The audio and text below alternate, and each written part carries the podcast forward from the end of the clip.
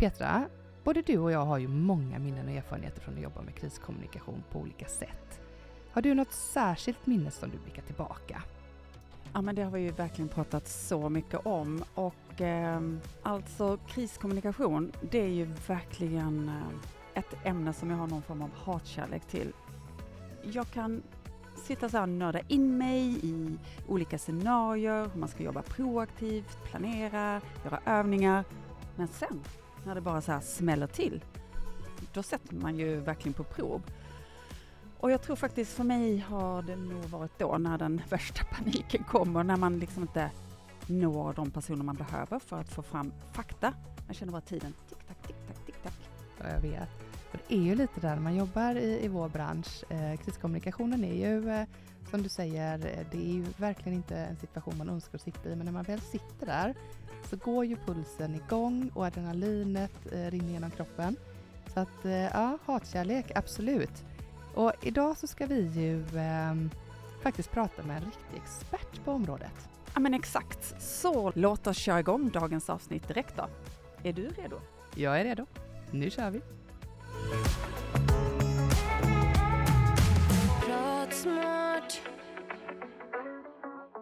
Han har närmare 20 års erfarenhet av kriskommunikation och strategisk rådgivning till organisationer och personer från näringslivet med sig. Han har bland annat haft ledande roller hos McDonalds, Stampen och Moderaterna under turbulenta tider. Idag är han PR-konsult och krisspecialist hos Wings PR och med oss idag är han för att ge oss insikter och tips från sitt expertområde kriskommunikation. Jag heter Petra. Och jag heter Moa. Välkommen till Pratsmart, Hampus Knutsson. Tack så mycket. Du är återigen varmt välkommen och vi ser väldigt mycket fram emot att gräva idag i ett tema som både jag och Moa, vi har diskuterat detta många gånger. Mm. Så innan vi går in på djupet då, kan du beskriva dig själv med tre ord? Vem är Hampus? Oj, jag är nog ganska eh, lugn, eh, snäll hoppas jag och eh, eh metodisk. Det låter som en bra start. Väldigt bra start.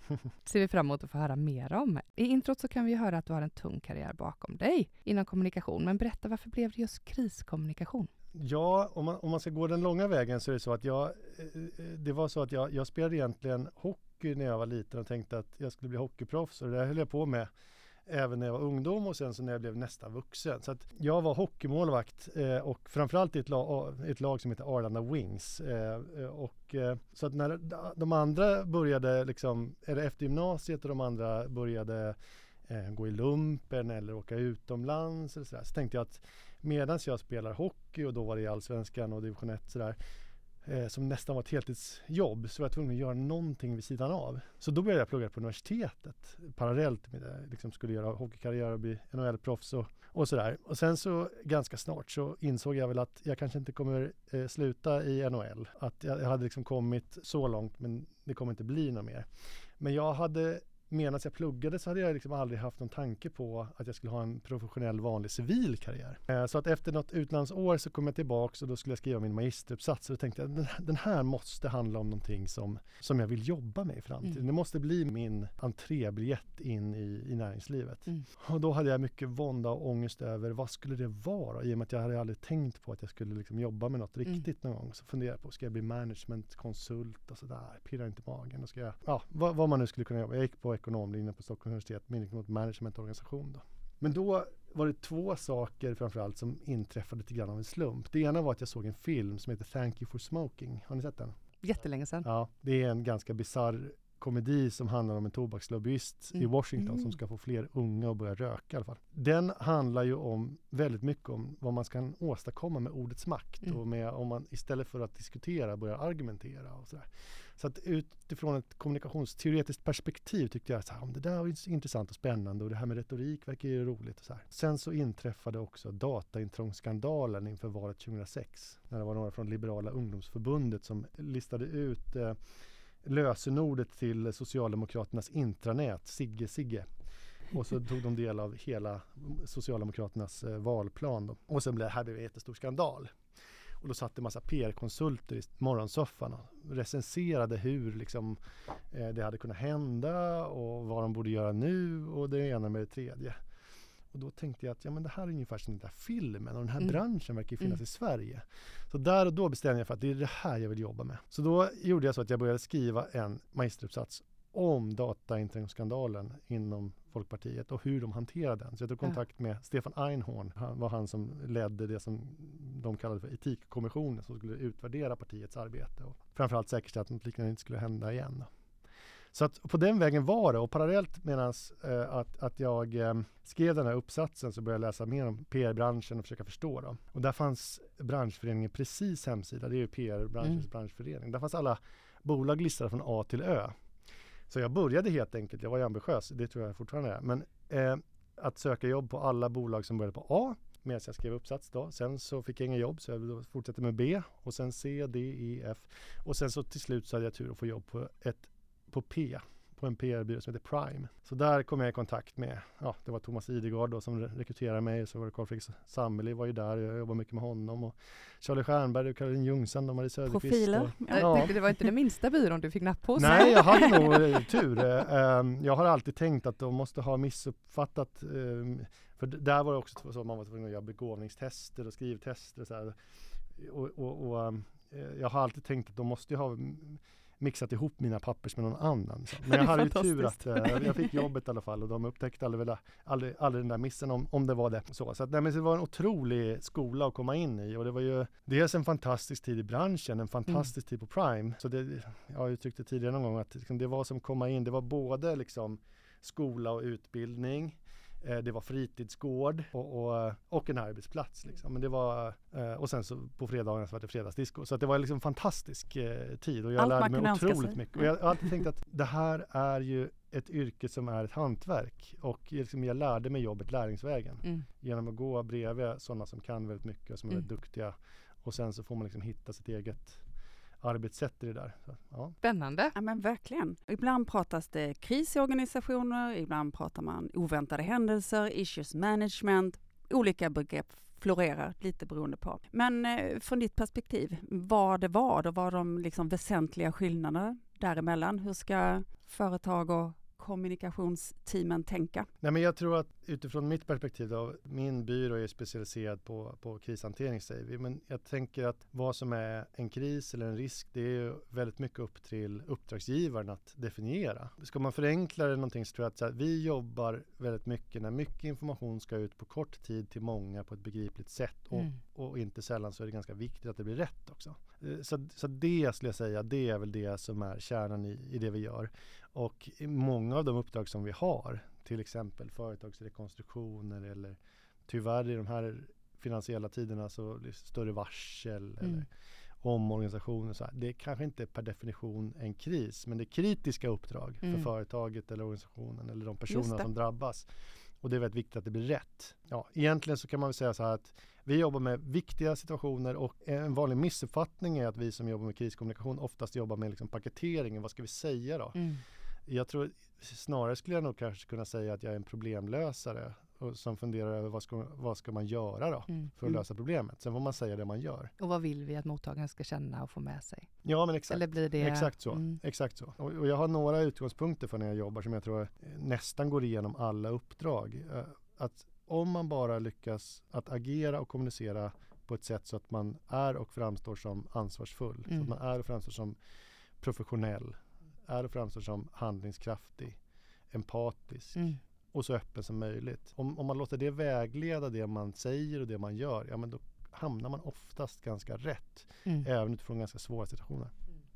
Man pratar ju väldigt mycket om att eh, arbeta förebyggande för att inte sitta illa till när händelsen eller krisen Mm. kommer. Men det är lätt att glömma kanske lite vad man har tränat på, vad man har tänkt på när man står där i situationen. Mm. Hur kan man jobba med det förebyggande på ett sätt så att man förbereder sig? Mm. Kan man göra det? Ja, men det kan man göra. Några saker då. Det ena är ju naturligtvis att en organisation och en person som är tränad har mycket bättre förutsättningar att klara en svår situation än den som inte är tränad. Om man tänker, vi har ju fotbollslandslaget, nu har inte de rönt jättestora framgångar på sistone, men, men, men jag menar, då- det är ju ändå fotbollsproffs som spelar i fotbollslandslaget och de är ju bland de bästa i världen. Kanske inte bäst, eh, hoppas att de blir, men de tränar ju varje dag. Mm. Det är klart att en tränad organisation har bättre förutsättningar att lyckas än någon som inte tränar. Så det tycker jag är det första man ska göra. Att, för det är en sak att ha liksom taktik och strategi och, och klart för sig. Men om man inte har spelat tillsammans och mm. tränat in organisationen, ja men då har man sämre förutsättningar att lyckas. För att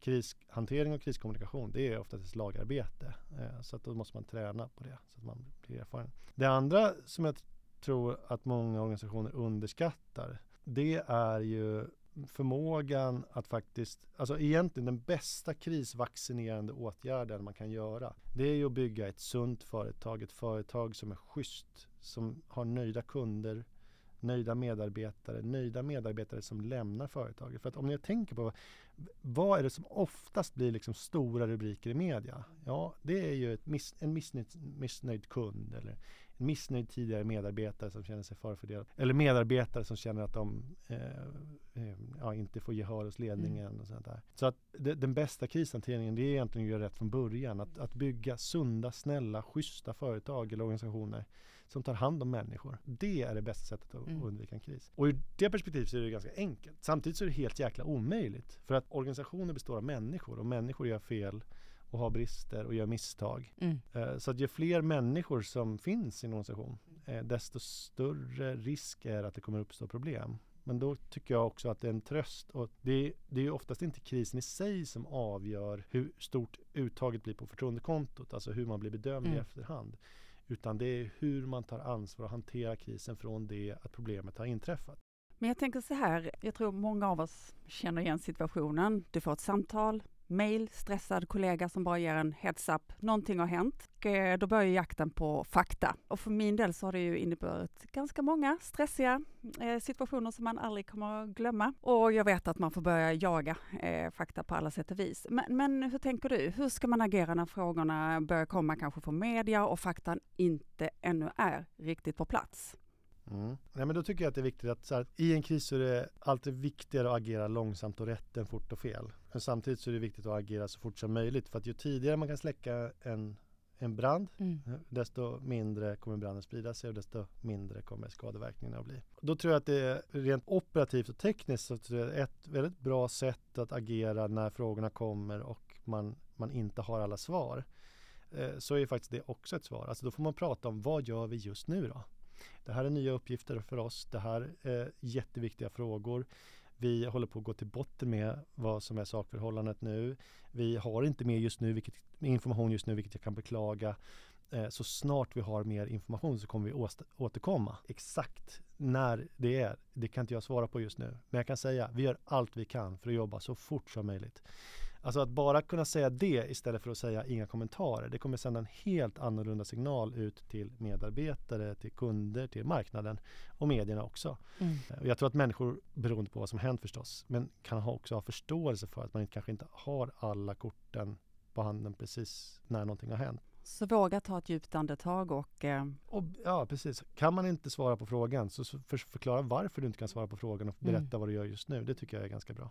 Men vem ska man skicka fram med den här korselden då? Det är ju alltid den här frågan, vem ska vara talesperson? Och där, och där tycker jag så här, det går ju att bli jätteteoretisk och, och, och teknisk kring det där. Men så här, jag tänker väl att det är som med livet i övrigt, så här, man måste ju ta någon som kan trivas i den rollen och som kanske har förmåga att, att svara på frågorna och är duktig så. Jag tycker inte, man, man, kan inte säga att det ska alltid vara en som är pressansvarig eller det ska alltid vara vdn eller det ska alltid vara någon annan. Utan, utan det viktiga är ju, egentligen så är det viktiga inte vem som svarar utan att medier mm. får svar och hur de svarar. Mm. Eh, så så, att, så att det är lite olika från organisation till organisation och från person till person skulle jag säga. Vilka typiska situationer är det riktigt att plocka fram en specialist eller en expert? Och när ska man liksom lyfta fram vdn? Jag jobbade ju med Stampens eh, företagsrekonstruktion, Stampen mm. är ju mer koncern som äger Göteborgs-Posten och i alla fall vid den tiden 13 tidningar till och dessutom tryckeriverksamhet och distributionsverksamhet i hela Västsverige. Och där var det så att för oss var det ju jätteviktigt att inte liksom sätta munkavle på några medarbetare. Det tycker jag är viktigt egentligen oavsett vart man är någonstans. Så. Men det var ju också så att, så att, vi var tvungna att ha någon typ av struktur för vem svarar på vilken typ av mm. frågor.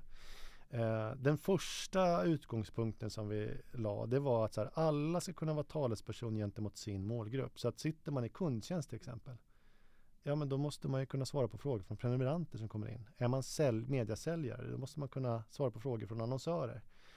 Är man chefredaktör så måste man kunna svara för sin tidning. Är man VD eller koncernchef måste man kunna svara för sin del av verksamheten. Och Är man ägare så måste man kunna svara för sig. Så det tycker jag är en ganska rimlig eh, ansvarsfördelning. Det är klart att eh, om det är frågor kring koncernens strategi framåt så kan vi inte ha någon som är vaktmästare som svarar på de frågorna. Även om båda jobben är lika viktiga. Eh, så, så är det så att det, det varit en ganska liksom enkel uppdelning och allting som hamnade däremellan kan man väl säga, det hamnade på mig då. Alltså, mm. Där det kanske inte var så givet vem som skulle svara eller att det var mer bråttom än att man skulle vänta på att en mm. koncernchef skulle få tid eller mm. sådär. Så, ja, så då fick jag som kommunikations eller pressansvarig då svara. Hur jobbar du med, eh, med holding statements? Eh, tar du fram materialet, texterna, definierar du budskapen och sen förser de här olika personerna med det de får säga? Eller brukar du låta dem hitta sina egna argument utifrån sin sakfråga? Ja, men det är klart att i, i, i min roll så ligger det väldigt mycket att förse människor. Jag, jag ser det nog snarare som att jag ser med, förser människor med verktyg. Mm. Det här kan ni säga, det här är svaret på de här frågorna.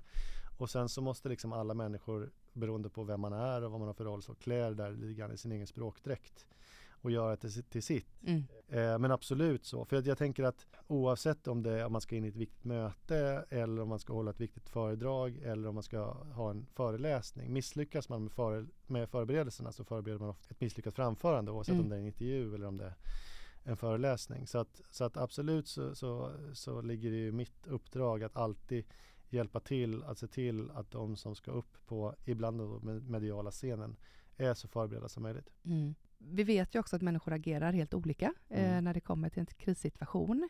Hur förbereder man och hur väljer man rätt personer? Ja, nej men i, i en kris är det så att den första reaktionen eh, och framförallt för de som inte är liksom vana att vara i den situationen är att man blir överraskad. Och sen så eh, hamnar man liksom i någon form av förnekelsefas att nej men det här händer inte. Och sen ja, innan det kanske man blir chockad eh, och, och, sen så blir man förtvivlad och så. så man går ju liksom igenom den här vanliga klassiska mänskliga kriskurvan. Samtidigt så, i alla fall medielogiken har ju en kurva som är totalt omvänd. Först mm. kommer ett anslag och sen så blir det en upptrappning och sen så kommer man till klimax. Lägger man dem där mot varandra så kan man ju lätt se rent visuellt. Tänk dig som två normalfördelningskurvor. En går uppåt och en går neråt. Och så ser man att när, man, när, när medierna är som tuffast och hårdast när man måste vara som bäst mm. så kanske det är risk att man som människa och som anställd känner sig som sämst. Mm. Mitt uppdrag är väl egentligen att liksom hjälpa andra att lägga känslan lite grann åt sidan och faktiskt mm. bara fokusera på vad är problemet? Vad, vad är det som stämmer i den kritik som framförs och hur kan vi ta ansvar, vara ansvarsfulla, professionella, handlingskraftiga och öppna?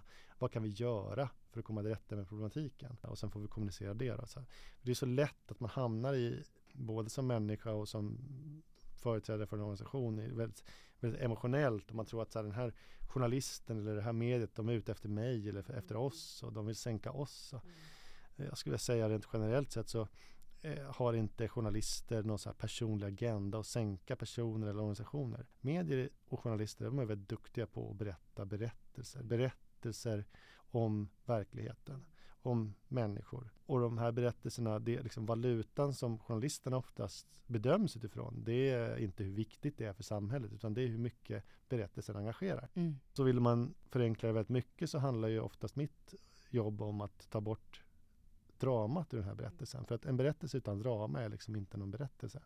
En nyhet utan drama är ingen nyhet. Och tillbaks, det kan låta enkelt men agerar du ansvarsfullt, professionellt, handlingskraftigt, öppet så tar du oftast bort dramat och då blir det oftast nyheten intressant kanske men under en kortare tid.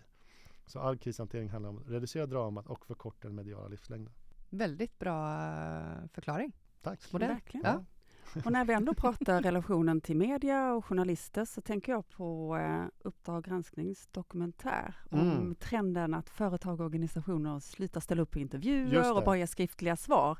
Hur gick dina tankar? Jag antar att du också har tittat in på det avsnittet? Ja, jag har sett det. Nej, ja. men det där det var väl mellanmjölk liksom. Det där var, jag tror, jag vet inte om de har haft så mycket inställda program nu att de var tvungna att hitta på något annat och så vart det att de intervjuade sig själva och det vart väl lite navelskådande kanske.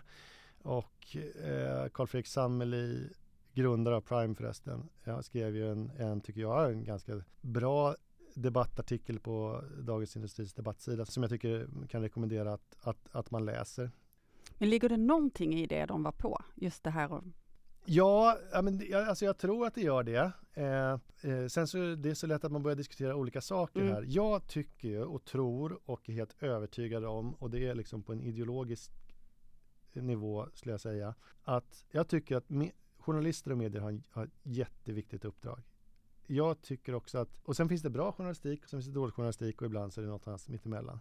Men det är väldigt sällan när en organisation eller, eller en person får kritik som, som att liksom nyheten utifrån organisationens perspektiv blir bättre av att man inte svarar på frågor. Om man inte svarar på frågor, tillbaks till det som mm. jag hade tidigare, ökar eller minskar dramat? Det ökar va? Mm. Ja. Om man börjar skälla ut journalisterna, ökar eller minskar dramat? Det ökar. Det ökar. Och, och målet är att förkorta den mediala livslängden mm. och att minska dramat. Vilken berättelse, oavsett om den är positiv eller negativ, blir bättre av att jag inte svarar på frågor, att inte mitt bästa argument kommer ut på banan, att inte jag delar min bild av den här mm. kritiken. Och om jag inte håller med om kritiken så är det ett jättevärde att få fram min bild mm. om vad som är situationen och varför det här inte är ett problem. Men tror du att bolag är för fega idag då? Vågar man inte ge sig in i elden för man är rädd att det ska bli backfire? Jag tror att det lätt kanske går lite slentrian i. Det är alltid, alltså, när man är jagad och känner liksom att pulsen ökar mm eh, eh, nackhåret reser sig, eh, svetten pärlas i pannan, då tänker ju hjärnan så här, fly, fly, fly, fly, fly. Och det är mycket enklare än att ta tag i mm. problemet. Eller så känner man då att man är liksom, alltså rovdjurshjärnan slår, slår till, att man känner att man är, man är jagad och attackerad och så vill man gå till motattack. Alltså, och båda det där är ganska bekväma strategier men de är ganska ineffektiva rent kommunikationsstrategiskt. Så jag tycker nog egentligen att man ska säga, lägg känslan lite grann åt sidan. Mm och agera utifrån vad som liksom, medierna gör sitt uppdrag. Fokusera inte på det som är fel i rapporteringen, fokusera på det som faktiskt kanske stämmer. Mm. Och så tar man tag i det och så pratar man om det. Och sen tänker jag så här, just när det gäller att svara på frågor. Här, ja, jag tycker det är alltid bättre att svara på frågor än att inte svara på frågor. Alltså i alla fall i 99,9% av alla fall. Ska man ställa upp på en filmad intervju eller inte med Uppdrag granskning? Ja, om man inte har någonting att dölja så tycker jag att, ja men gör det då. Och är medietränad. Ja men precis, för mm. misslyckas man med förberedelsen så förbereder man en mm. misslyckad mm. intervju. Men det är klart att man måste förbereda sig utifrån en, en sån situation. Mm. Min erfarenhet är faktiskt att Uppdrag granskning, de är ju väl, en väldigt transparent organisation. Ja. Alltså när man får ska vara med i Uppdrag granskning så vet man vilka frågeområden det är, vilka frågor det är, ungefär hur lång tid det ska hålla på. Och så, så de är ganska, utifrån det perspektivet ganska schyssta. Mm. Sen blir det alltid, liksom, sen blir produkten kanske inte blir ett fint reportage utifrån ett företagsperspektiv. Men det blir det är i alla fall schyssta villkor på det sättet. Mm. Sen är det klart, de sitter ju alltid på makten att, att uh, klippa och, och, välja vilka citat som ska med. Men jag brukar säga att man kan ju inte till 100% kontrollera vilka frågor man får. Man kan ju till 100% kontrollera vilka svar man ger. Mm. Uh, och det tycker jag så här, överhuvudtaget i livet, fokusera på det du kan påverka. Mm. Strunta i liksom väder och vind. Det kan inte påverka. Paul Ronge sa en rolig sak en gång. Publicitet, det är som väder. Det finns bra väder och dåligt väder mm. och sen får man kläder efter väder. Mm. Vem blir du i en kris? Ja, vem blir jag? Nej men då är jag tillbaks till min hockeykarriär. Jag är väl liksom som en målvakt, sista utposten. Ja. Eh, jag, eh, hockey överhuvudtaget, utespelare så här, det handlar ju om att göra mål och att man ta, ska ta risk och chansa och försöka få in pucken. Va? Men om man är hockeymålvakt så handlar det om att minimera risk. Att vara lugn och så här. Man kan kanske inte vinna matchen åt laget för man kan inte göra det avgörande målet. Man kan se till att de inte förlorar. Så att mitt jobb och min roll kanske är att se till att organisationen förlorar så lite som möjligt. Mm. Och jag tror att som person är ganska lugn, som sagt ganska metodisk, mm. systematisk. Jag kan jobba både eh, strategiskt men också väldigt mycket operativt och liksom hjälpa till med att eh, skriva texten till hemsidan och coacha eh, vdn och styrelseordföranden kring vad man ska säga och göra. Ja men hjälpa till att liksom lotsa mm. eh, och hålla, hålla någon i handen. Och jag, förhoppningsvis då på ett, så här, ett sätt som gör att man faktiskt kanske inte blir rädd för mediet eller journalisten utan att man faktiskt inser vilka, vilka, vilken möjlighet det också är att eh, svara på frågor och, och, och, vara med i media. Eh, någon kund sa någon gång att så fort jag ser en journalist så springer jag mm. och det, så, det brukar jag också göra men oftast hinner jag ikapp. Har du några bra exempel på situationer där, som du har ställts inför som du eh, verkligen så här, kommer ihåg och varför har de satt spår? det var en bra fråga.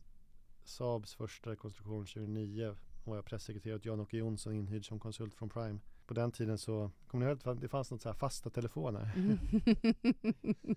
Nej men och det här var väl så här, och då, men då fanns det mobiltelefoner också och sen så Det var speciellt för då var ju liksom, det var ju väldigt dramatiskt och, och eh, hela världspressen var ju liksom samlad utifrån utanför eh, huvudkontoret i, i Trollhättan och sen så vi befann oss på pressavdelningen och var jag och några konsulter till och kanske någon anställd också. Och sen så kommer någon uppgift, det här var innan vi hade liksom lämnat in papperna till tingsrätten mm. om att en företagsrekonstruktion som då var ett väldigt okänt begrepp mm. liksom i svensk media överhuvudtaget att det skulle göras eh, men att det kommer ut på marknaden och, och som sagt jag kommer bara ihåg symfonin över alla de här telefonerna som ringde samtidigt och sen så alla mobiltelefoner som strax efter började ringa när journalisterna ville ha tag. Och just i det här läget var det så att det var, då var vi liksom i en situation där vi kunde inte säga så himla mycket för vi, vi, visste att beslutet var fattat att de skulle lämna in papperna till tingsrätten men innan de var inlämnade så fanns ingenting att säga. Och då kommer jag ihåg eh, Tony hette han tidigare informationschef på kommunikationschef på Socialdemokraterna men eh, var konsult och kollega då. Då, då gick han ut och ropade nu är det kod gul, ingen gör något. ingen säger något. Eh, för då fick vi vara tysta några minuter och ah. sen när papperna var inlämnade då fick vi kommunicera och då, då var det inte business as usual, då var det more business as usual ah. kan jag säga är en fantastisk minne. Mm. Eh, innan vi avrundar idag Hampus så tänkte vi, kan du dela med dig liksom tre bästa tips för hur man hanterar krisen när den kommer? Ja, då tänker jag så här, får jag dubblera det till sex? Helt okej. Okay. Ja, jag har förmånen att jobba lite grann med Johan Eriksson, fantastisk eh, försvarsadvokat. Uh, jag kan tipsa om en, en podd, han var med i den här Mauris podd i Aftonbladet. Där, där får han frågan eh, om, om man liksom ska bli förhörd eh, av polisen om man har gjort ett brott hur blir man framgångsrik i ett sådant förhör? Och de där kan man också lära sig om, om, liksom om, om man är makthavare så ska man bli intervjuad av en journalist. För det första, gissa inte. Alltså om du har kört för fort till exempel och sen så frågar, får du frågan i förhöret, säger, hur, hur mycket för fort körde du? Så säger du, ah, jag tror det var 6 km i timmen och så visar det sig att det var 12. Då kommer det i efterhand framstå som att du försökte försköna bilden och siffrorna. Så, så man ska aldrig gissa mm. i en intervjusituation. Nummer två, och det kanske är det svåraste, man ska inte ljuga heller. Alltså hitta inte på. Mm. Eh, för det kommer alltid visa sig i slutändan vad som var sant. Och nummer tre, det eh, är att svara på frågan. Men du behöver inte berätta allt annat. Det vill säga lägg rätt kort på bordet. Du behöver inte lägga alla kort på bordet. Så det är utifrån en intervjusituation. Men utifrån en krissituation så kan vi zooma ut. Då tänker jag att, jag tänker att krishanterare kan lära sig väldigt mycket av mordutredare och det tänkte jag någon gång på när jag läste Leif GW Perssons böcker om den här Bäckström. Det är ju en fruktansvärd person. Han drivs av sina egna fördomar. Men han är en fantastisk mordutredare. Och han har tre punkter för hur man blir liksom en framgångsrik mordutredare. Det är att man ska alltid gilla läget. Man ska alltid hata slumpen och man ska aldrig krångla till det i onödan. Så gilla läget, hata slumpen och krångla inte till det i onödan. Men när medieljuset riktas mot dig eller din organisation, då är det inte så lätt att gilla läget. Utan då tänker man kanske att hjälp, jag vill fly, precis som vi pratade om tidigare. Eller att man vill gå till motattack. Men båda det där är ju väldigt dåliga strategier som jag kommit fram till. En av de vanligaste krisstrategierna som jag stöter på och som jag också tycker mig se i media, det är ju att när man, när, när, man, när man inser att någonting har hänt och man tänker att så här, det, här, det här kanske blir något så stoppar man ena handen i byxfickan så håller man kanske tummen så tänker man så här, det blir nog inget. Och sen blir det någonting och då tänker man, så stoppar man andra handen i andra fickan och så tänker man så här att det blåser nog över. Och två saker som jag har lärt mig under nästan 20 år nu då, det är ju att för det första, det blir alltid något. Mm. Och för det andra, det blåser inte över. Om man inte bemöter kritik så blir man inte av med den. Och det sista, krångla inte till det i onödan. Det är väldigt vanligt och det här har ni säkert varit med om själva också det blir en kris, någonting händer, man måste ta tag i det här. Så samlar man ledningsgruppen. Alldeles för många personer i ett rum. Alla personer har alldeles för långa titlar, i värsta fall på engelska. Och så sitter alla där med varsin käpphäst. Och så börjar juristen att säga, vi säger ingenting. Och sen så kommer kommunikatören och säger vi lägger alla kort på bordet. Sen kommer marknadschefen på sig. Fan, kan vi inte göra en positiv grej av det här? Fantastiskt. Och sen börjar man skriva på ett pressmeddelande va, som ska bemöta den här kritiken. Och till slut så, han, när det har gått så många varv genom den här liksom, luntan av personer med alldeles för långa titlar, så handlar ju det där pressmeddelandet om någonting helt annat än det som som faktiskt kritiken mm. handlar om. Och så skickar de ut det på marknaden så tänker alla kunder, alla medarbetare, bara så här, de har inte fattat någonting. Så att egentligen så, så här att jag har världens enklaste jobb. Oftast så handlar det bara om att så här, lös problemet, berätta vad ni gör. Gilla läget, hata slumpen. Krångla inte till det i onödan. Fantastiska ord som får avsluta ett eh, oerhört spännande samtal. Tusen tack! Tusen tack Hampus. Tack själva.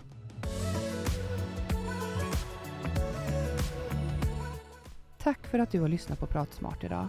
För ännu mer tips och inspiration från oss och våra gäster finns vi även på Instagram och LinkedIn.